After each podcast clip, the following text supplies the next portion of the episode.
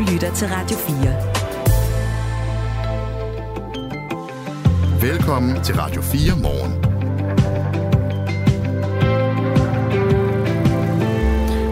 Ja, velkommen. Øh, Der bliver taget alt for mange blodprøver. Det er dyrt, og det er unødvendigt. Sådan lyder det fra en forening, der hedder Vælg Klogt.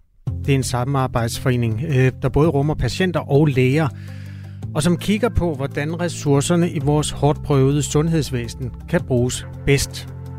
Vælg Klogt er kommet med syv anbefalinger til, hvordan vi kan tage nogle færre blodprøver. Og lederen er, er med. Øh, det er faktisk en overlæge, som er tilknyttet Aarhus Universitetshospital. Susanne Axelsen, hun kan forklare, hvad det er for nogle øh, blodprøver, der kan undværes, og hvorfor de er unødvendige. Der bliver varmet op, kan man vel nærmest sige, i de her dage til øh, en, øh, et øh, naturfænomen, havde jeg sagt, som, som kommer til at ramme Danmark øh, i løbet af fredag lørdag. Øh, og der handler selvfølgelig om den her risiko for enorme øh, høje vandstande. Hvis man befinder sig i nærheden af Østkysten, så er man måske en af dem, som allerede er godt i gang med at stable sandsække. For eksempel vandstanden forventes mange steder at blive den højeste i op mod 70 år. Og vi taler denne morgen med en af dem, som er godt i gang med at forsøge at sikre sig mod vandet. Og vi vil rigtig gerne tale med flere, så skriv til os på 1424. Ja, øh, Danmarkskortet har sådan, øh, hvis du går på TV2 ved for eksempel deres hjemmeside, så er der en, øh, sådan en, en rød banan nærmest, der ligger nede under. Øh, den går langs med Sjællands østkyst ned over ja, øh, øerne syd for, og så, så er det jo altså det der område øh, nede omkring Sønderjylland, hvor der bliver rigtig, rigtig højt øh, vand, op til to meter over. Det kommer vi faktisk til at øh, tale om både i dag og helt sikkert også i morgen. En anden historie på den helt store øh, scene, det er den amerikanske præsident Joe Biden, der besøgte Israel i går. Vi prøver at finde ud af, hvad der kom ud af det besøg, om det gav varsler om en nedtrapning af den vold, der koster så mange menneskeliv. Vi taler senere på morgen med Mellemøst-korrespondent for Kristelig Dagblad, Allan Sørensen. Og så skal vi også tale om kunst og om, hvorvidt der skal bruges øh, penge på kunst, også på militære anlæg. På flyvestation Skydstrup, øh, i deres nye anlæg til F-35 kampflyene, skal der bruges næsten 20 millioner kroner, også på kunst. Det er noget, som statens kunstcirkulære dikterer. Men det er ikke alle soldater, der er lige begejstrede. De vil hellere bruge penge på at få repareret deres toiletdør, sådan lidt firkantet sagt måske. Og lyt med kvart i syv, der taler vi med en af dem. Det er Mette Wittebø Utzon og Kasper Harbo, der er... Ja, det er mig, der er Kasper Harbo i øvrigt. Mette, det er den anden stemme. Godmorgen, og velkommen til Radio 4. Det her er Radio 4 morgen. Der bliver taget alt for mange blodprøver, som er unødvendige, mener vores næste gæst, der kommer fra en forening, hvor læger og patienter i samarbejde skal finde ud af, hvordan man kan bruge de der penge, som der ikke er nok af i sundhedsvæsenet, lidt bedre. Foreningen hedder Vælg Klogt, og er kommet med syv nye anbefalinger til, hvordan vi mindsker antallet af blodprøver. Vælg Klogt peger faktisk på, at der bliver taget så mange blodprøver, at cirka 1 ud af 5 er direkte unødvendig. Susanne Axelsen er leder af Vælg Klogt, altså foreningen, og øh, arbejder som overlæge på Aarhus Universitetshospital. Godmorgen, Susanne Axelsen. Godmorgen, og tak fordi jeg måtte være med. Ja, det må du meget gerne. Øh, lad os begynde med det konkrete. Altså, jeg har da også fået taget blodprøver, øh, sikkert fem eller flere i mit liv. Hvilken af dem kunne, kunne man have undværet? Ja, der kunne man jo så formentlig have undværet den ene i hvert fald. Øh, vi ved, at der er omkring 20 procent spild i vores sundhedsvæsen, og det er desværre ikke kun blodprøver, øh, der bliver lavet noget unødvendigt i dag. Der bliver lavet øh, virkelig meget unødvendigt i vores sundhedsvæsen, og som du også selv indledte med at sige, det kan vi jo ikke fortsætte med. Vi har alt for travlt, mm. vi har ingen tid, vi har ingen penge. Vi bliver nødt til at holde op med at lave noget, der er unødvendigt. Foreningen her er kommet med syv anbefalinger, som skulle mindske antallet af blodprøver. Og der er jo altså nogle øh, forskellige... Det, kan være D-vitaminmangel. Det kan også være noget med rutinemæssigt at måle indholdet af kønshormoner i blodet for at påvise overgangsalder hos kvinder over 45 år. Og så er der noget med at undgå at teste langtidsblodsukker i forbindelse med opfølgning af kendt diabetes, hvis der foreligger et resultat inden for de sidste to måneder. Øhm, altså, er de virkelig blodprøver, der kan undværes, dem jeg har ridset op her? Ja, det er det. Det er blodprøver, hvor det svar, man får, ikke har nogen konsekvens. Det er blodprøver, hvor man øh, kan ende med at skulle tage yderligere blodprøver, fordi de ikke har vist det, man ønskede, øh, de skulle.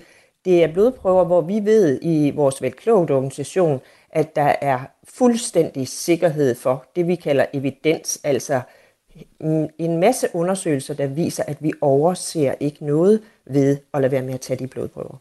Altså for eksempel D-vitaminmangel er jo en alvorlig sag. Hvor, hvorfor er det, man ikke skal øh, teste for det, havde jeg sagt? Det er fordi D-vitaminmangel øh, har langt de fleste af os, specielt i de mørke måneder, og så skal man tage et øh, D-vitamin-tilskud. Det, det har ikke nogen konsekvens at måle D-vitamin, fordi det vil være for lavt, og hvis man har øh, mistanke om, at man i kosten ikke får tilstrækkeligt meget D-vitamin, så skal man tage et D-vitamin-tilskud, og det bør vi i virkeligheden alle sammen gøre, øh, os voksne, øh, i hvert fald om vinteren i, i Danmark. Så det har ikke nogen konsekvens at måle den øh, D-vitamin-værdi, fordi den siger ikke noget, om vi skal have tilskud eller ej. Sundhedsstyrelsen anbefaler i øvrigt også, at vi alle sammen tager et D-vitamin-tilskud. Hvor, hvor mange år har du været overlæge? Øh, det har jeg været øh, i 25 år. Har du stået og tænkt nogle gange, at øh, du tog blodprøver, som så blev sendt videre til laboranterne unødvendigt? Det har jeg bestemt. Øh, og i, i det, mit daglige liv, der er jeg overlæge på afdelingen for kvindesygdomme og fødsler. Og øh, vi tager jo mange blodprøver, og vi tager dem også tit i det, vi kalder en pakke. Det vil sige, at man leder efter et blodprøvesvar, men så har man sådan en hel pakke, så får man måske svar på 20 andre blodprøver, øh, så man i virkeligheden i den her sammenhæng ikke skal bruge til noget. Der kan så godt være en af de blodprøver, som viser en lille, lille afvielse fra en normal værdi. Så bliver man nødt til, for nu har man set svaret, så bliver man simpelthen nødt til at tage en ny prøve, måske endda en anden undersøgelse, en røntgenundersøgelse eller en MR-scanning, øh, nogle andre undersøgelser på den her patient. Så man udsætter jo både patienten for øh, nogle unødvendige stik, øh, og nogle gange skal patienten jo også transportere sig hen til et laboratorium for at få taget en blodprøve. Men man, man kan også decideret skade patienten, for man kan faktisk komme ud i en situation, hvor man også påfører dem endnu flere undersøgelser, som øh, også er helt unødvendige. Godt. Øh, det er altså Susanne Axelsen, vi taler med, leder af Vælg Klogt og overlæge på Aarhus Universitetshospital. Øh, vi har fået oplyst, at en normal blodprøvetagning koster omkring 40 kroner, og nogen koster ned til 10 kroner. Vi kan jo vende tilbage til det prisniveau øh, lige om et øjeblik. Mette Vibe Utzon og Kasper Harbo er din morgenværter. Du viftede lige med det. Har du spørgsmål? Jeg vifter, fordi jeg, fordi jeg vil gerne spørge dig, Susanne Axelsen. Du siger, at mange af de her blodprøver er spild af penge og tid og alt muligt andet. Ikke? Men kan der ikke også være situationer, hvor man tager en blodprøve og faktisk opdager noget, man ellers ikke ville have opdaget? Jo, og det kan jeg godt forstå, at, at øh, også patienterne spørger om, fordi det gør de selvfølgelig, ja. når vi øh, laver øh, de her øh, ting, vi skal undgå i, i vores velklogt organisation. Men det er jo der, hvor øh, det grundlag, som vi kommer med vores anbefalinger på i Velklogt, hviler, at man netop ikke overser noget, at man netop ikke, øh, ikke lige fangede en bestemt ting. Fordi hvis der er symptomer på en sygdom, så skal man selvfølgelig tage prøver. Man skal også lave undersøgelser med andre øh, metoder. Men hvis der ikke er nogen symptomer på det, så øh, fører det ikke til noget, at man tager de her blodprøver. Man kan ikke for eksempel lave sådan en en screening for alle sygdomme i hele verden ved at køre patienten igennem alle blodprøver, vi kan finde på, og alle scanninger, vi kan finde på. Den, den måde finder man ikke sygdomme på. Sygdommen giver symptomer, og det skal alle reagere på. Det skal patienterne, og det skal vi sørge os i sundhedsvæsenet. Men vi finder ikke sygdomme ved at tage en masse blodprøver. Tværtimod. Nu fik vi oplyst, at en normal blodprøvning koster omkring 40 kroner, og de billigste, mest gængse blodprøveanalyser koster mindre end 10 kroner. Altså, det lyder faktisk ikke særlig dyrt. Øh, eller hvad? Nej, øh, og, og det er bestemt heller ikke, fordi vi i Velklogt skal spare en masse penge. Velklogt er ikke en spareøvelse. Men det vi gerne vil undgå, det er jo alt det unødvendige, der også sker omkring en blodprøve. Så havde jeg nær sagt, skidt næsten med, hvad den koster. Men patienten skal transportere sig hen og blive stukket. Der er en laborant, der skal tage prøven. Prøven skal analyseres i et laboratorium. Patienten skal have svaret enten af en læge eller en anden sundhedsfaglig. Der skal reageres på svaret, hvis det er en lille smule skævt der bliver brugt rigtig mange ressourcer, og der tænker jeg ikke kun på penge. Jeg tænker faktisk ikke ret meget på penge i den sammenhæng. Der bliver brugt en masse ressourcer, som vi er nødt til at bruge på noget andet i vores sundhedsvæsen. Altså alle de, hvis vi nu leger med tanken om, at vi kan spare 20 procent af alle de blodprøver, der bliver taget i det danske sundhedsvæsen, så bliver der plads til både, at dem, der har behov for at få taget blodprøver, de kan få det gjort, men også, at der bliver plads til alt det andet, som vi heller ikke har plads til i vores sundhedsvæsen. Vi vil jo gerne ja. alt det nye, men vi har bare ikke plads til det hele. Øh, vi kan da lige tage et par sms'er fra de mennesker, der hører Radio 4 Morgen, Susanne Axelsen. Der er et menneske, der hedder Anna, der skriver, jeg er indlagt på psykiatrisk afdeling. Her får vi taget blodprøve og EKG hver onsdag. Selvom de gang på gang ser fine ud. Kun hvis man som patient spørger, bliver det reduceret til en gang om måneden. Øh, hvis man ikke har noget imod at tage blodprøver, og laboranterne er altid søde, men jeg, jeg synes virkelig, det er spild af tid og udstyr, i stedet fordi de bruger de dyreste små sommerfugle sprøjter, påpeger Anna, som også har lidt speciel viden på det felt her. Vores lytter Jesper, han skriver, at mange blodprøver kan vise, hvor meget medicin man kan dosere med, ellers famler man i blinde. Det har du lyst, eller det ved jeg ikke, om du har lyst til at svare på her afslutningsvis, Susanne Axelsen. Det er da rigtigt, at det vil der være øh, nogle blodprøver, øh, der kan vise, og det skal man selvfølgelig også følge med i. Jeg, er jo, jeg går jo ikke ind for, at man skal aflyse alle blodprøver, eller øh, undgå alle blodprøver på ingen måde. Man skal tage det der, hvor det er relevant. Men den første lytters øh, sms illustrerer rigtig, rigtig godt, hvad det her det drejer sig om. Det handler om, at vi fortsætter i vores vaner og rutiner, nu har den her patient altid fået taget blodprøver og EKG på det samme tidspunkt på den her øh, afdeling, og så fortsætter man med det. Man, man stopper ikke op og siger, at det nu virkelig også nødvendigt på de raske patienter, at vi tager de her prøver. Hvad er så næste skridt, når nu I i jeres forening har påpeget det her? Så skal nogen jo høre efter og implementere det. Hvor langt er man fra det? Øh, jamen, det prøver og vi jo hele tiden på, men det er det allersværeste ved det her, det er at få det til at ske.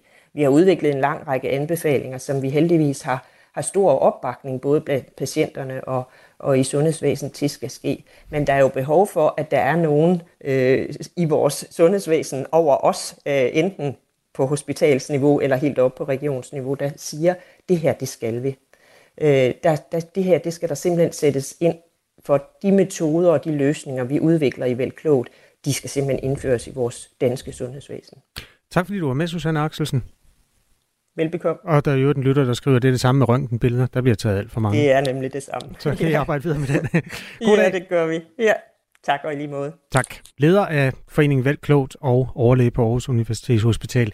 I Kanada er der en tilsvarende organisation, også den hedder ikke Vælg Klogt af gode grunde, men altså en tilsvarende organisation, og her er det faktisk lykkedes at nedbringe antallet af blodprøver i det kanadiske sundhedsvæsen med en tredjedel. Klokken er 18 minutter over 6 den her torsdag morgen. En kendt dansker er død i en time. Synes, det ville være skrækkeligt, hvis jeg vidste noget skulle være for evigt. Men først skal de spise et måltid, som var det deres sidste. Så kommer, kommer desserten. Så kommer den altså. Ej, fuck, hvor er det voldsomt. Og, øh... og altså, hvorfor, Anna? Hvorfor? Altså, jeg aner det ikke. Sammen med vært Lærke Kløvedal taler de om døden, maden og alt derimellem. Men fjordhejer, det er barndom. Det er gode stunder med min far. Det er noget af det eneste, jeg har haft med pappa. Lyt til det sidste måltid i Radio 4's app, eller der, hvor du lytter til podcast. Æret være hans minde. Radio 4. Var det det? Det var det. Ikke så forudsigeligt. Som øh, rigtig mange sikkert har set eller hørt eller læst i går, så besøgte den amerikanske præsident Joe Biden Israel i den her øh, konflikt, den meget, meget voldelige konflikt mellem øh, henholdsvis Hamas på den ene side og Israel på den anden side. Og han besøgte så øh, Israels premierminister Benjamin Netanyahu og holdt møde øh, med ham og sagde blandt andet efterfølgende. Prime Minister, I'm very happy to be back in Israel with you. Thank you for having me, and uh, I'm looking forward to having a thorough discussion about where everybody goes from here.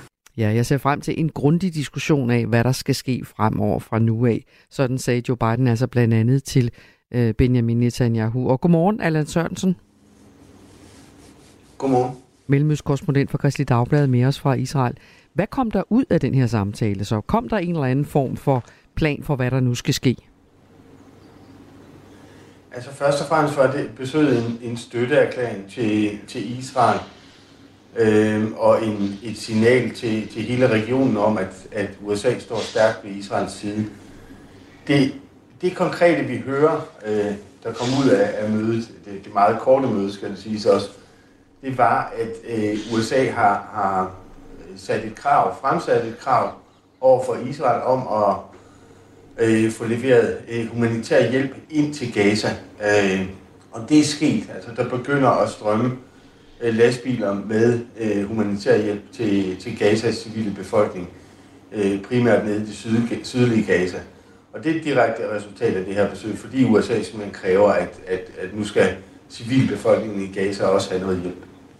Og, og, og som du siger, det er en af de helt konkrete ting, der er kommet ud af det. Øh, Joe Biden øh, mødtes jo under sit øh, besøg i Israel, både med medlemmer af den israelske her og familier, hvis familiemedlemmer enten er dræbt eller taget som gisler i konflikten, fortæller Ritzau her øh, til morgen. Den amerikanske præsident uh, besøgt skulle også have mødtes med arabiske ledere, men det blev så aflyst efter angrebet eller eksplosionerne, eller hvad det nu var, der foregik på det her hospital i Gaza. Så det du siger, Allan Sørensen, er... Ja, øh, nej, jeg skulle lige til at sige noget, men jeg siger ikke noget. Undskyld. Værsgo. Nu kan du måske lige så godt sige det. Ja, men det jeg egentlig bare vil sige, det var, at vi kommer også til at vende meget tilbage til det hospital i Gaza lidt senere på morgenen, fordi informationerne peger jo i både den ene og den anden retning i forhold til, hvad der er sket. Der er ingen tvivl om, at en bygning er blevet ødelagt, og en masse mennesker er blevet dræbt. Men øh, hvem der står bag, det er jo også en af de diskussioner. Men det, kan vi måske, det kommer vi også til at se på senere på morgenen. Men Allan Sørensen, det her konkrete besøg, som du siger, nu er der så øh, en form for nødhjælp på vej til, til de civile i Gazastriben. Men indgår der også i den aftale, at, øh, at folk i Gaza, som jo ellers er, er fanget i Gazastriben, kan få lov at komme ud den vej?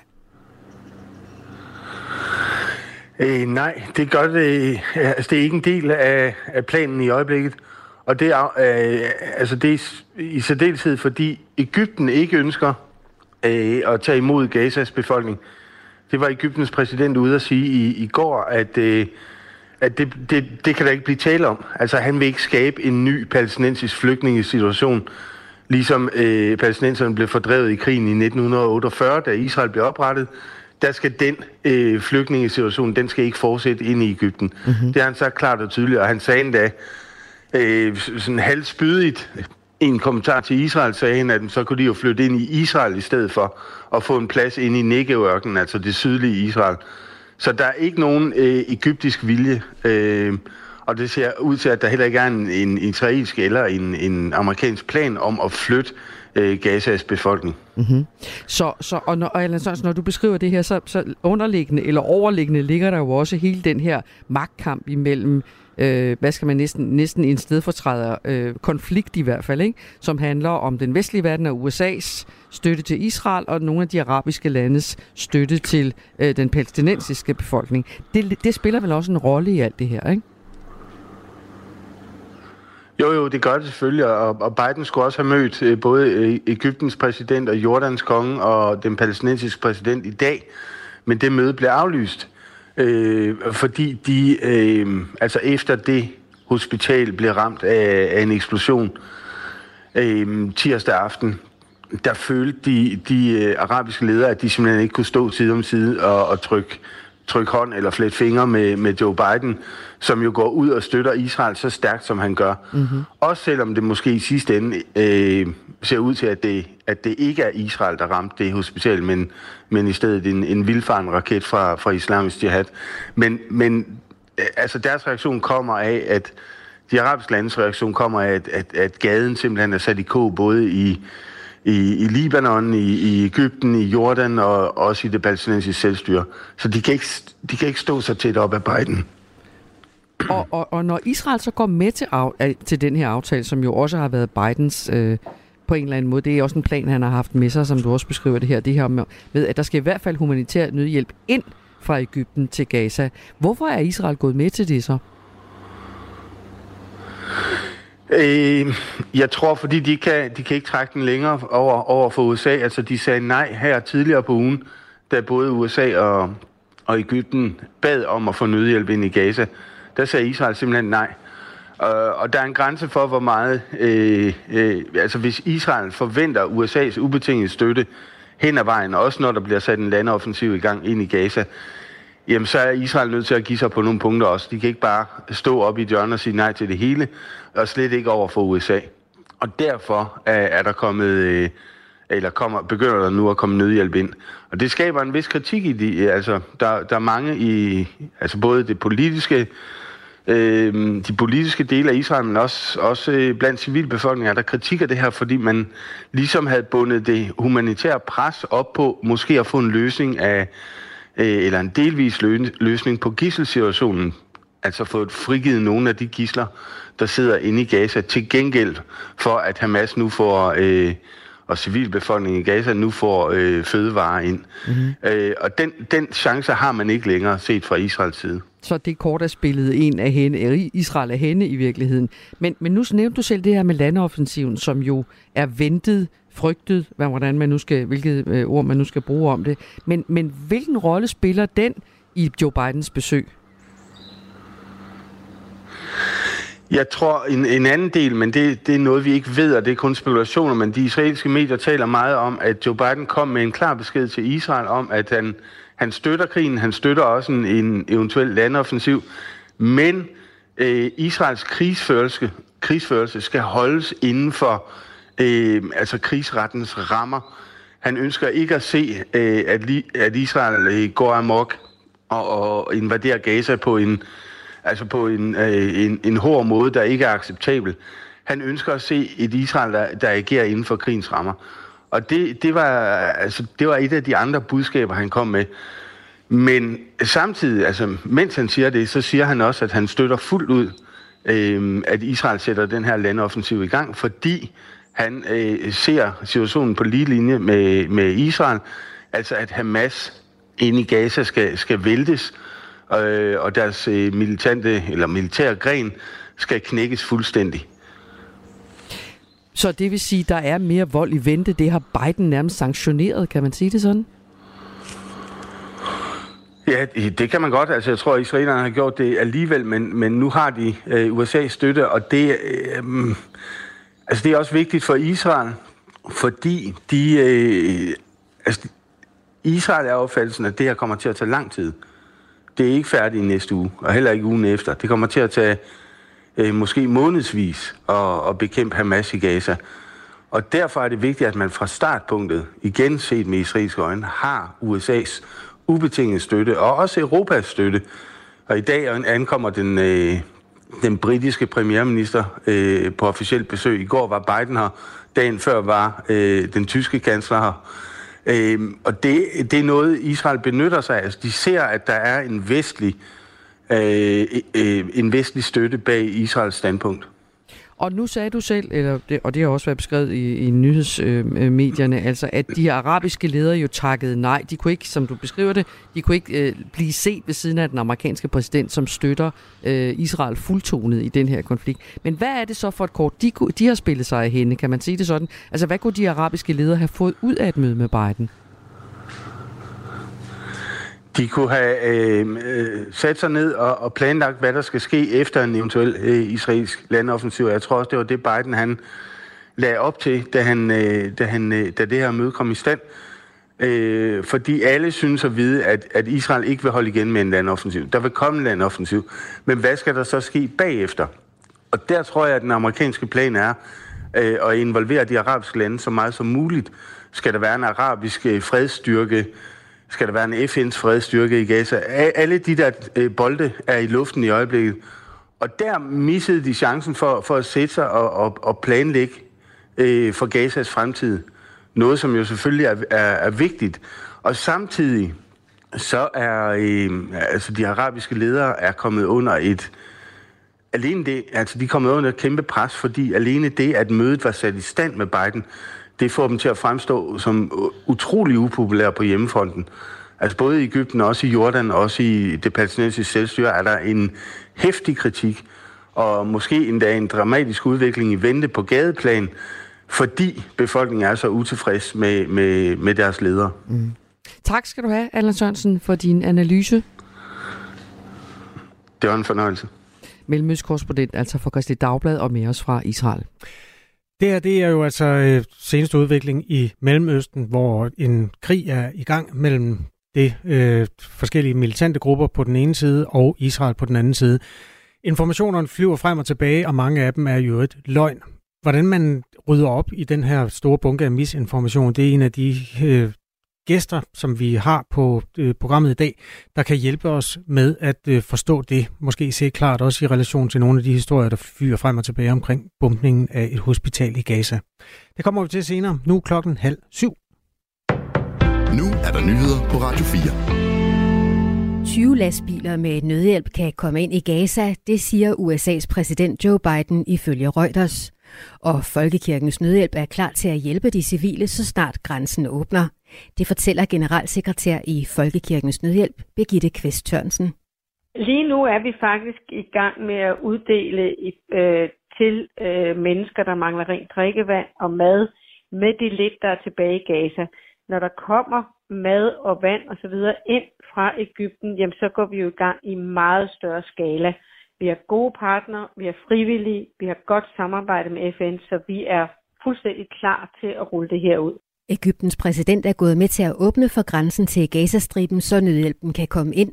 Meldingen kommer efter, at Israel på opfordring af Joe Biden har sagt, at landet ikke vil blokere for, at mad, vand og medicin kan komme ind i Gaza fra Ægypten. DMI har udsendt et varsel om meget farligt vejr fredag og lørdag. Kraftig blæst fra øst kan skabe oversvømmelser i den sydøstlige del af landet på op til 2 meter over normal vandstand. Men selvom man er forsikret, skal man være opmærksom på, at forsikringsselskaber som udgangspunkt ikke dækker skader, der sker som følge af forhøjet vandstand. Det siger forsikringsekspert Anne Garde Slothus hos Forsikringsoplysningen. Hvis der bliver erklæret stormflod, har man som husejer en chance for at få erstatning via Naturskaderådets pulje. Det er også Naturskaderådet, som afgør, om der er tale om en stormflod eller bare et voldsomt uvær. Kun et ud af, kun en ud af seks kun et ud af seks firmaer oplever, at det offentlige køber grønt ind. Det skriver Dagbladet Politikken. Blandt 78 virksomheder, der leverer, der leverer til staten, regionerne og kommunerne, er, kom, er kun omtrent en ud af seks enige i, at deres offentlige kunder generelt set køber grønt ind. Det viser en rundspørg, som Dansk Industri har foretaget. Det offentlige køber sammenlagt ind for 415 milliarder kroner årligt. Det offentlige har en af de største indkøbsmuskler i vores samfund, og vi bør kunne forvente, at så mange penge bliver brugt at så mange penge bliver brugt klogt, men det sker ikke, siger Jakob Schaff, der er branchedirektør i DI. Regeringen har ellers skrevet i regeringsgrundlaget, at den vil nedbringe klimaaftrykket på de offentlige indkøb. Teslas omsætning steg med 9% i tredje kvartal. Det viser virksomhedens kvartalsregnskab. Den øgede omsætning kommer på et tidspunkt, hvor Tesla ellers har skåret prisen på sine modeller. Elbilproducenten har dog ikke så meget fart på som tidligere. Selvom omsætningen stiger, så er det den langsomste vækst i tre år ifølge Reuters. Tredje kvartal gav Tesla en omsætning svarende til ca. 165 milliarder kroner. I Danmark har der i går været flere pro-palæstinensiske demonstrationer. I går aftes var 1000 personer samlet til en pro-palæstinensisk demonstration i Gellerup vest for Aarhus. Østjyllands politi fortæller, at demonstrationen langt hen ad vejen forløb stille og roligt. Også på den røde plads på Nørrebro i København var der i går pro-palæstinensiske demonstrationer. Her var nogle 100 mennesker forsamlet, det fortæller Berlingske Tidens udsendte medarbejdere. Også her forløb demonstrationen roligt. Der er som bekendt varslet meget voldsomt vejr øh, fredag og lørdag, men vi skal selvfølgelig også lige høre lidt om vejret i dag. I dag bliver der skyet med regn sydfra, mod, do, mod nord dog mest tørt. Temperaturerne kommer til at ligge mellem 6 og 11 grader. Vinden tiltager allerede i løbet af i dag og bliver frisk til hård fra øst, stedvist op til cooling med kraftige vindstød. Det var nyhederne på Radio 4 med Angela Brink. Det her er Radio 4 morgen.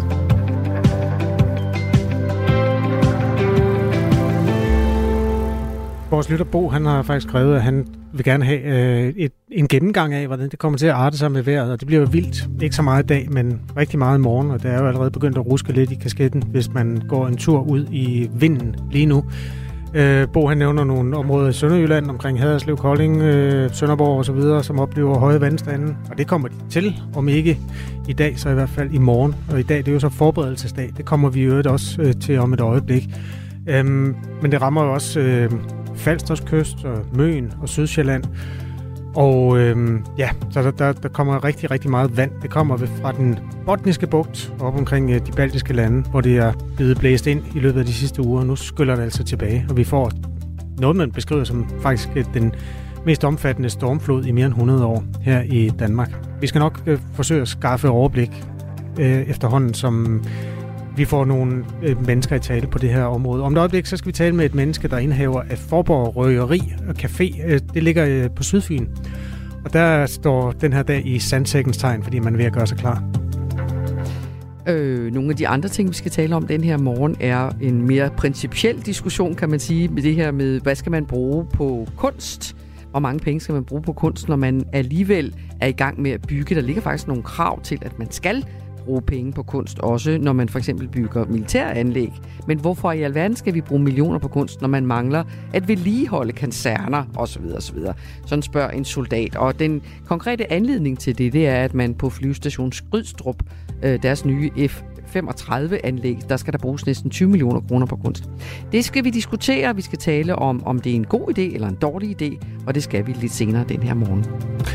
Og så er der jo øh, masser af information, der fyrer frem og tilbage i forhold til, hvad der sker i Gaza de her dage, og for så vidt også, hvad der skete i Israel for snart to uger siden. Om en halv time er Claudia Læsø Pedersen med. Hun er major og militær, øh, militær historiker ved Forsvarsakademiet og har forsket blandt andet i krige mellem Israel og Hamas. Og har måske lidt større erfaring end os andre i at rydde op i den informationsstrøm, der fyrer frem og tilbage. Hvis du har spørgsmål, der hører hjemme i sådan et interview, så kan du da allerede nu øh, sende det ind til os. Nummeret til øh, Radio 4 Morgens postkasse er 1424. Altså 1424, hvis du har en sms til os. Og os, det er jo dig, Mette Vibe Utzon. Godmorgen. Godmorgen. Jeg hedder Kasper Harbo.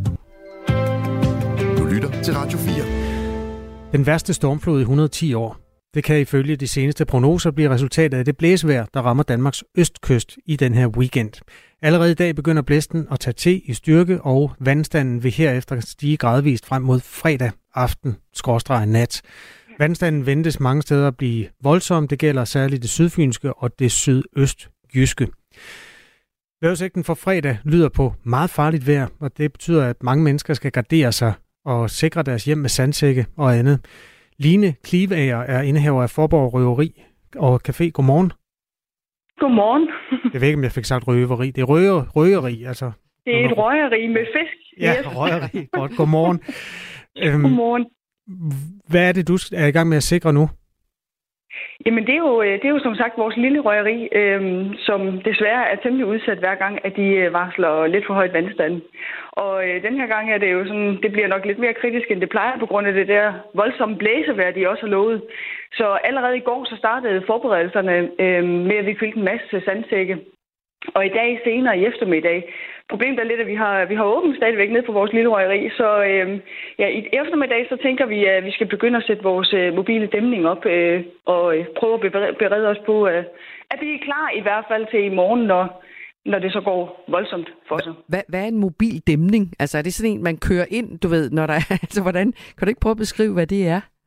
Jo, men det er faktisk noget helt nyt i år. Øh, vi øh, investerede i den her mobile dæmning øh, øh, sidste vinter, og øh, sådan så vi, vi kunne have den klar, øh, og den står egentlig nede på havnen, hvor vi øh, holder til, så man egentlig forholdsvis øh, nemt i gåseøjne kan sætte den op, øh, hvis der lige pludselig kommer et varsel.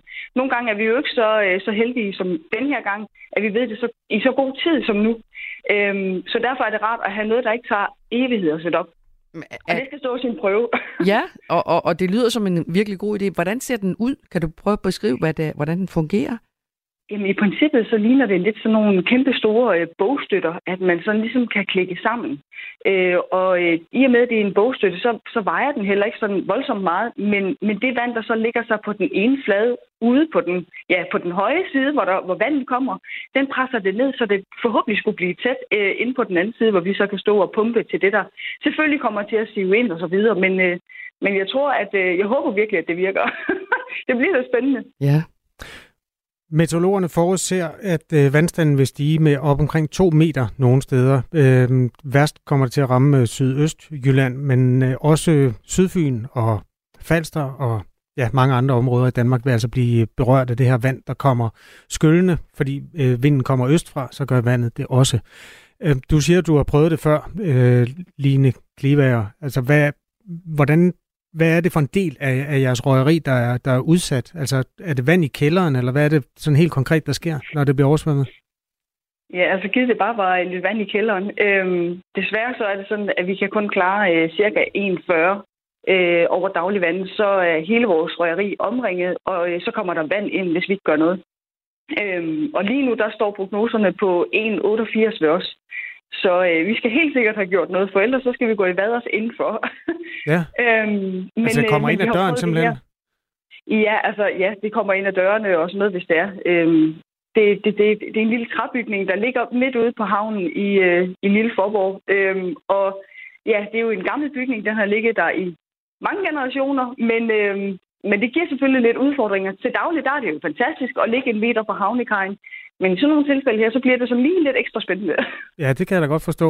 Du lyder egentlig øhm, let om hjertet i betragtning af, at det er sådan lidt et katastrofescenarie, du ser ind i. Er det, er det noget, man vender sig til? Jeg tror, jeg tror faktisk ikke, at man rigtig kan vende sig til det, men, men efterhånden så har vi øh, prøvet det her så mange gange. Det er, det er 22. sæson, at, at vi driver øh, røgeriet dernede, kan man sige. Så vi har jo været med til, til mange både store og små øh, hændelser med det her øh, højvand her. Øh, men jeg vil sige, jeg har aldrig prøvet noget øh, så voldsomt, som de lover nu den her gang, på grund af den lidt vilde blæst, de også øh, jeg lover samtidig med. Så det, det, bliver, øh, det bliver en ny situation, og det bliver bestemt udfordrende, og det bliver nogle virkelig lange dage. Jeg tror ikke, vi kommer til at sove i lidt over to døgn, men øh, ja, nu må, vi, nu må vi prøve at se. Der har været mange ekstreme her, vejrhændelser beskrevet på det seneste. Altså, der har været brænde, og der har været øh, nu det her højvande, der har været storme nogle steder og sådan noget.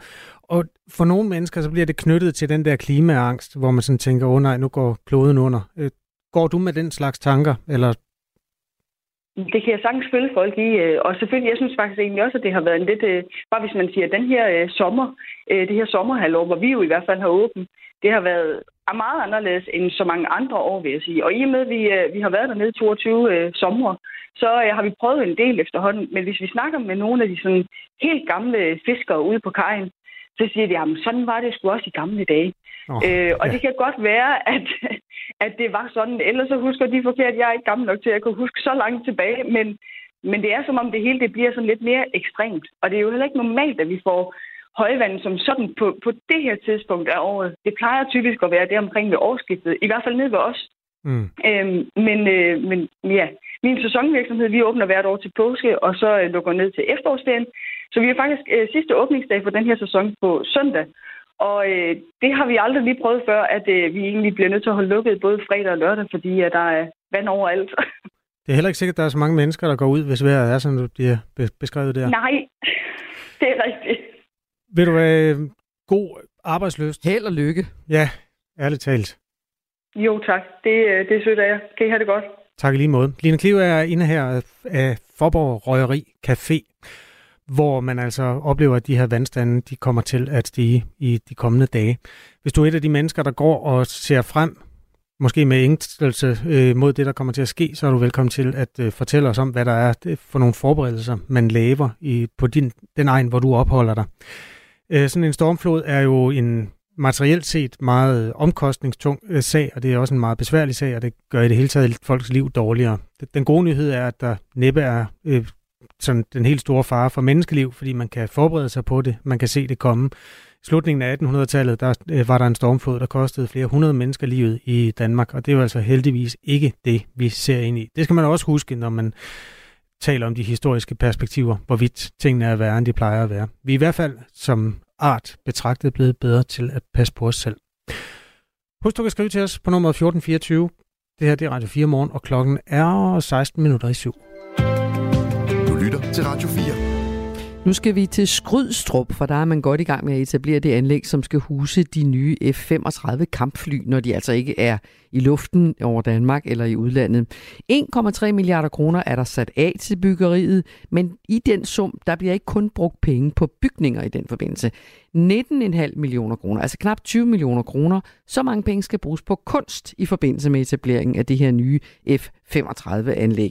Statens cirkulære, kunstcirkulære, det er der faktisk noget, der hedder Statens kunstcirkulære, det bestemmer nemlig, at halvanden procent af alle statens håndværkerudgifter på over en million kroner skal bruges på kunst og udsmykning. Og så kan man måske regne en pris på 1,3 milliarder kroner, så betyder det altså, at Forsvarsministeriets ejendomsstyrelse er pålagt at anvende knap 2 millioner kroner på kunst. Og det er alt sammen noget, som Radio 4-programmet Frontlinjen og Forsvarsmediet Olfi kan fortælle. Det er så ikke alle, der glæder sig lige meget til, at der kommer kunst involveret i det her byggeri. Millionbeløbet vækker skarp kritik, blandt andet fra dig, Anders Krøjgaard Lund. Velkommen. Jo, tak. Premier, øh, premierløjtnant ved Slesvigske Fodregiment i Haderslev, og vigtigt også at nævne, byrådsmedlem i Horsens Kommune for konservativ. Hvorfor er du kritisk over for, at der oven i de her bygninger skal bruges 1,5 procent af statens håndværkerudgifter til kunst? Jamen lad mig helt øh, allerførst starte med at sige, at det, det sender et rigtig, rigtig dårligt signal til øh, øh forsvarsansatte. Altså det, som jo praktisk er øh, vores soldater, mig selv og mine kolleger, når vi øh, har øh, bygninger, der er groft forfaldende, nedslidte, øh, vi mangler basal udrustning, øh, og vi ved jo godt, altså man, man skal jo ikke være dum for at vide, at pengene kommer fra samme kasse. Der er nemlig kun én kasse, det er statskassen. Men fordi de lige inden de ryger ud i virkeligheden, bliver delt op i nogle underkasser, så den her underkasse, der hedder kunst, den er åbenbart væsentligt mere prioriteret end øh, det, der genererer egentlig kampkraft ude på jorden. Og, og, og, og det kan vi jo se, det ved vi jo godt, øh, os der står derude. Og så er problemet jo nogle gange, at den her såkaldte kunst, der kommer, bliver indkøbt, ikke fordi den har nogen brugerværdi, ikke fordi at øh, soldaterne på jorden synes, den forskynder området i sådan en grad, at den helt klart er alle pengene værd. Det er der måske nogen, der synes, det er helt klart mit indtryk, at det er langt fra alle. Øh, pengene bliver brugt simpelthen fordi Forsvarsministeriets ejendomsstyrelse er pålagt at bruge de her penge. Og så bliver det lidt som en, en, en, en dum opgave, der er ikke nogen, der gider at tage ansvar for, øh, øh, og så bliver pengene brugt øh, i min verden, eller som jeg ser det, forholdsvis hovedløst. Øh, nogle af de kunstprojekter, der er, knalde penge efter. Det er jo alt fra et øh, gyngestativ til 650.000 kroner ved en øh, trafikeret vej øh, inde på en kaserne, hvor der ikke kommer nogen børn. Det er øh, flisekunst på min egen kaserne til over en million kroner, mens gymnastiksalen er fuldstændig forfalden. Altså, det, det er sådan nogle absurde beløb, og det her ude i Skrydstrup, det får man jo altså ikke en bedre hangar af. Det er jo ikke sådan, at flyene flyver længere eller kan kaste større bomber af, at der er mere kunst ude på græsplænen. Noget af det er sådan nogle kæmpe store udendørsprojekter, som der er smidt rigtig, rigtig mange penge efter. Så det lyder lidt som en skrivebordsplan for at tilfredsstille nogle særinteresser over i kunstverdenen, mere end det er et fokus på at egentlig at forskønne og udsmykke i i ånden om at forbedre faciliteterne for okay, soldaterne. Okay, jeg stopper dig nu, fordi det er rigtig mange forskellige ting i virkeligheden, og du redegør jo fint for her, hvad, hvad, hvad er din kritik af det. Men hvis nu vi skal prøve at dele det ud i elementer, så jeg hører dig i og for sig ikke være kritisk over for, at man bruger penge på kunst. Det du er kritisk over for, det er, at der bliver brugt penge i en situation, hvor I burde bruge nogle penge på noget andet. Er det sådan, jeg skal forstå det? Ja, i grove træk, fordi forsvaret løfter i forvejen rigtig mange opgaver i, i, i bevarelse af dansk kultur. Det er jo alt fra, at officerskolen ligger på Frederiksberg Slot, og at det forsvaret, der langt hen ad vejen øh, driver det som et, som et aktivt slot, det er jo, at vi har musikkorpsen, dem har vi tæller at umiddelbart lige fire af. Vi har øh, kongeskibet Dannebro, som også bliver drevet søværnet. Vi har øh, Gardusar-regimentets hesteskadron, Livgardens øh, vagtkompani. Forsvaret løfter rigtig mange opgaver inden for det kulturelle. Men at også skal pålægges at gå ud og holde hånden under øh, skabende kunst, det er men, simpelthen men, for meget. Men er der nogen, der egentlig siger, at man skal holde hånden under skabende kunst? Fordi du siger, at det sender et dårligt signal til, til forsvarets ansatte. Man kan omvendt sige, at det er at tage forsvarets ansatte lige så alvorligt som alle mulige andre borgere i Danmark.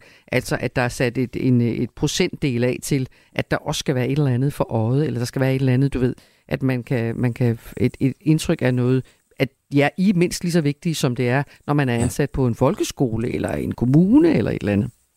Ja, men det er jeg faktisk uenig i, fordi øh, ja, det er ikke at tage forsvarets ansatte seriøst, øh, og at, at, at tvinge øh, øh, deres ressourcer over i, i kunst, når at langt de fleste ude på jorden øh, efterspørger praktiske ting, øh, sådan noget som, at der ikke er skimmel i de bygninger, øh, hvor man skal være. Nu ved jeg at det er ikke det, der er tilfældet i Skrydstrup, hvor der bliver opført noget nyt, men, øh, men cirkulæret gælder jo også, når der skal renoveres, så skal der allokeres de her, øh, efter samme fordeling, mm-hmm. ressourcer til kunst.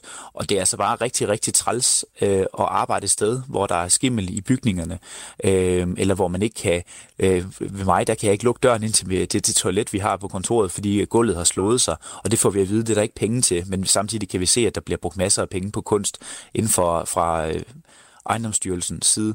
Øh, og, og det er jo simpelthen en, en hån mod medarbejderne. Så det der med at, at sige, det er for medarbejdernes skyld, den, øh, den skal man altså lidt langt efter, især når kunstcirkulæret jo øh, er, er født i ud fra tanken om, at staten skal være den store kunstmæssan for at holde hånden under øh, den skabende kunst. Så, så det er jo ikke for soldaternes skyld, vi har det her kunstcirkulære. Øh, og man kunne jo nemt lave en undtagelsesparagraf, der siger, at tekniske installationer, øh, som en hangar, en garage eller andet, en kaserner i det hele taget, kunne være undtaget. Fordi det er jo ikke sådan, når vi går ud og bygger motorvejsanlæg, at vi tænker, her skal der være en masse kunst, øh, fordi ellers så, så render folk bare og øh, er helt åndsforladte i trafikken. Altså det, sådan, sådan tænker vi jo ikke. Normalt der kan man godt tænke noget, der er udelukkende funktionalistisk, godt må være det, mens andre ting, øh, hvor der øh, må være plads til udsmykning, så må det også gerne være det. Men det skulle være, altid være en konkret øh, vurdering, og ikke bare en procentsats. Men repræsentanter for regimentet og kaserneledelsen har jo undervejs haft medindflydelse på, på, den her, på det her værks udformning, og også det endelige resultat som man er godt tilfreds med i ledelsen, siger man. Og, og din, din, i, i dit eget parti, de konservative, har forsvarsordfører Rasmus Jarlov også tidligere argumenteret for, at Danmark mister ånd, hvis man fravælger kunst i offentlige, bygning, sy, øh, i offentlige bygninger. Der er jo nogen, der, der, der hylder det her. Er det her i virkeligheden en diskussion, for at vende tilbage til det, jeg startede med at sige, om, om hvorvidt der skal være kunst, eller er det den kunst, der kommer, du er utilfreds med? Eller er det begge dele? Og, men det er, meget, det, det er meget svært at sælge så, så, så sort-hvid op, fordi jeg er også enig med det, øh, øh min gode øh, partifælle Rasmus Jarlov siger. Det er jo også ham, der personligt har kæmpet for eksempelvis at fastholde øh, herrens officerskole på Frederiksberg Slot, som jo om noget ikke er særlig funktionalistisk, men er et udtryk for, at vi har noget kultur og noget ånd, vi skal bevare. Men det er bare ikke det samme som at sige, at når man bygger en øh, garage eller et hangar, at man skal bruge x antal øh, millioner på, på, øh, på aluminiumskulptur ude på græsplænen. Altså det, det, det der, hvor jeg vil gerne sætte en streg i sandet og sige, at her der, der ryger fornuften simpelthen. Øhm, og det er jo også et spørgsmål om, den kunst, der kommer, ja, har den, har den værdi for brugerne? Og her mener jeg vidderligt, der er en stor diskrepans mellem, hvad ledelsen mener, øh, fordi ledelsen jo igen er, er underlagt øh, øh ministeriets øh, cirkulære, og brugerne, der tør tale mere frit fra leveren. Øh, og, og der kan man altså godt gå ud og møde folk, der kan kalde en spade for en spade. Øh, og det er de færreste øh, øh, brugere, altså, og brugere, det er folk, der går med støvler øh, ude på jorden, jeg kender, øh, som, som finder værdi i de her såkaldte øh, øh, kunstprojekter. Mm. Og så er der en en, en kavalkade af problemer efterfølgende med alt det her med, hvem har egentlig ophavsretten til den, og hvornår må man fjerne dem, og hvad hvis der mhm. skal repareres. Og et eller andet sted, så, giver man, så ligger man jo alle de her kunstprojekter, stor del af dem, ind på lukkede kasernområder, hvor de ikke bringer offentligheden øh, værdi. En, en entydig kritisk holdning til kunst på kaserner. Kan man ikke godt sige det, Anders Grøgaard Jul?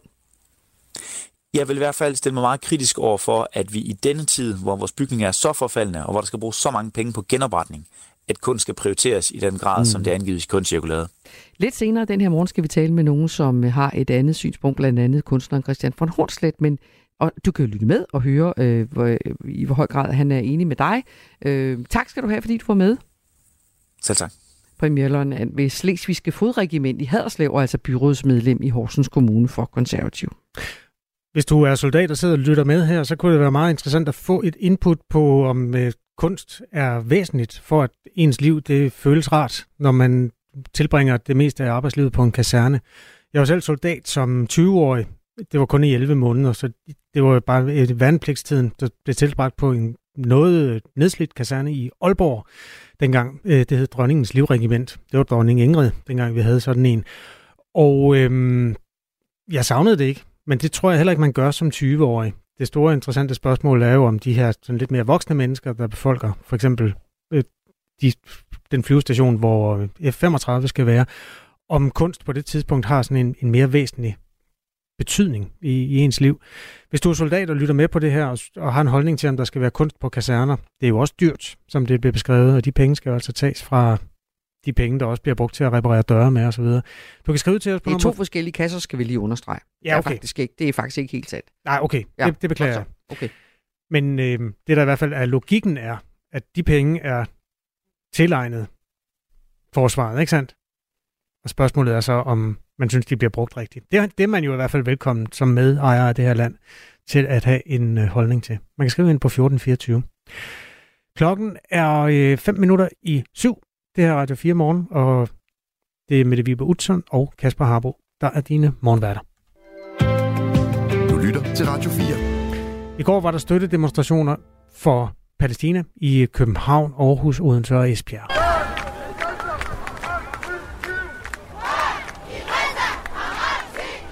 De her demonstrationer blev stablet på benene få timer efter øh, det angreb, som ramte et hospital i Gaza sent tirsdag aften. Men der var faktisk flere øh, årsager til, at folk var mødt op. Vores reporter og kollega øh, Benjamin Munk, han var i det vestlige Aarhus ved bydelen Gellerup, hvor cirka 1000 mennesker var mødt op. Og nu skal vi lige have et par standpunkter fra nogle af de mennesker, der var der for at vise støtte og sympati for de civile, der bliver dræbt i krigen. Vi giver ikke fuck for Hamas. Altså for, for, for mit vedkommende, fuck dem. Øh, Fordi de har været med til at legitimere Israels undskyldning om, om at bruge, eller om at forsvare sig. Og det er jo kun gået ud over Gazas befolkning. Det her, det var Aya, og hun har også to øh, veninder med, som altså var mødt op for at sige fuck Hamas og for at støtte de civile, der bliver dræbt i krigen. Det galt også Sara og Sally, som også fulgte det store optog rundt i gaderne i byen, øh, bydelen Gellerup. Vi går her i Vi dag, demonstrerer for at støtte palæstinenser i Palæstina i Gaza. Og i dag særligt, fordi der er blevet bombet et hospital i går aftes. Og det har bare gjort, at vi... Altså, det skal ud. Det her, det skal ud i medierne. De skal se, hvem de rigtige terrorister er. Spørgsmålet er jo selvfølgelig i den sidste ende, hvem der står bag den eksplosion, og der er en informationskrig, der kører i øjeblikket. Altså et, en øh, raket eller et missil har ramt et øh, grunden ved siden af et hospital. Ifølge nogen forlydender er det Øh, Israel, der står bag. Ja, ifølge andre forlydende er det faktisk en vilfaren vildfaren palæstinensisk raket, der har ramt det område, hvor der ifølge også øh, den samme kilde er, var et en, øh, ammunitionsdepot, hvilket gjorde, at øh, eksplosionen blev større i styrke. Det her det er jo selve informationskrigen, og lad os lige lægge den til side, for den vender vi tilbage til efter syv. Øhm, som sagt, demonstrationer mange steder. Mahmoud Isamil var også med, ikke kun for at vise sin støtte til det palæstinensiske folk. Han var også ude på at vise, at han var utilfreds med den måde, som danske politikere og danske medier øh, omtaler krigen på. Vi har øh, nogle hykleriske, gode mennesker øh, som politikere, og i medierne har vi også øh, folk, der, der har en vis agenda, så som øh, palæstinenser, eller som øh, et menneske, der sympatiserer med andre mennesker generelt, så, så, så ser man... Øh, så ser man et narrativ, der, der ikke repræsenterer menneskeheden. Så bliver man lidt ked af det. Øh, så føler man sig overset, især i kølvand på, på hvordan øh, man, man både i Danmark og i Vesten var gode til at øh, sige fra øh, og lige pludselig tage, tage politikken ind i, i sportsbegivenheder i forhold til Ukraine og Rusland. Men så snart det er, det er muslimer, det er brune mennesker, desværre er, det, er vi stadig racister, det, det er tydeligt. Øh, så snart det er brune mennesker, det er muslimer, det er folk fra ikke-vestlige lande, så, så vender vi det blinde øje til. Det er måske nemmere at sympatisere med israelerne. Den her mand, han øh, havde ikke lyst til at få sit navn i radioen, men hans budskab kom der i hvert fald i radioen. Ja, og det er, det er lidt af, af samme skuffe, kan man sige. Det ligger lidt øh, på linje med det, det er vores gæst lidt senere den her morgen, Shadi Lubat, øh, vil, øh, vil fortælle. Altså, hvordan oplever han, at øh, danske medier, danske politikere øh, i tale sætter alt det, der sker lige nu i den her konflikt? Ja, og han har altså heller ikke israelsk baggrund, skal vi lige sige.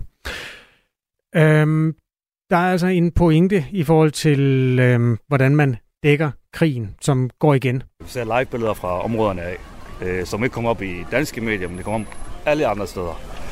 Øh, så det, det er lidt hårdt at sige, øh, men altså, jeg kan selv vise dig nogle ting, og du, du vil ikke kunne holde ud og se det. Masser af børn, der bliver dræbt. Masser af børn, der ligger i stræderne. Prøv at forestille dig at gå rundt på en gade, hvor børn, spædbørn ligger på alle sider. Mm. En arm, der ligger der, en hoved, der ligger der. Det er det, vi ser. Og det er jo altså en pointe, der kom fra flere deltagere i går. Efter nyhederne taler vi med en militærhistoriker, som for det første ved en masse om den her mangeårige krig, skråstreger konflikt mellem Israel og Hamas og andre militante islamistiske organisationer på den anden side af muren ind til Gazastriben. Og øhm, det gør vi jo også for at rydde op i den informationskrig, som er i fuld gang lige i øjeblikket. Der er faktisk kommet et spørgsmål fra Anna i Odense allerede, som spørger, om Israel har begået lige så bestialske mord på civile palæstinenser, som Hamas gjorde i den weekend for snart to uger siden, altså for eksempel med mord på børn. Øhm, det spørgsmål skal vi jo nok stille videre. Så bliver der også stillet det spørgsmål, hvordan palæstinenserne generelt forholder sig til Hamas, altså om man ser dem som terrorister eller frihedskæmpere. Man kan skrive øh, spørgsmål ind og kommentarer i bred forstand til os på nummer 1424. Nu klokken 7. Du har lyttet til en podcast fra Radio 4. Find flere episoder i vores app, eller der, hvor du lytter til podcast. Radio 4. Ikke så forudsigeligt.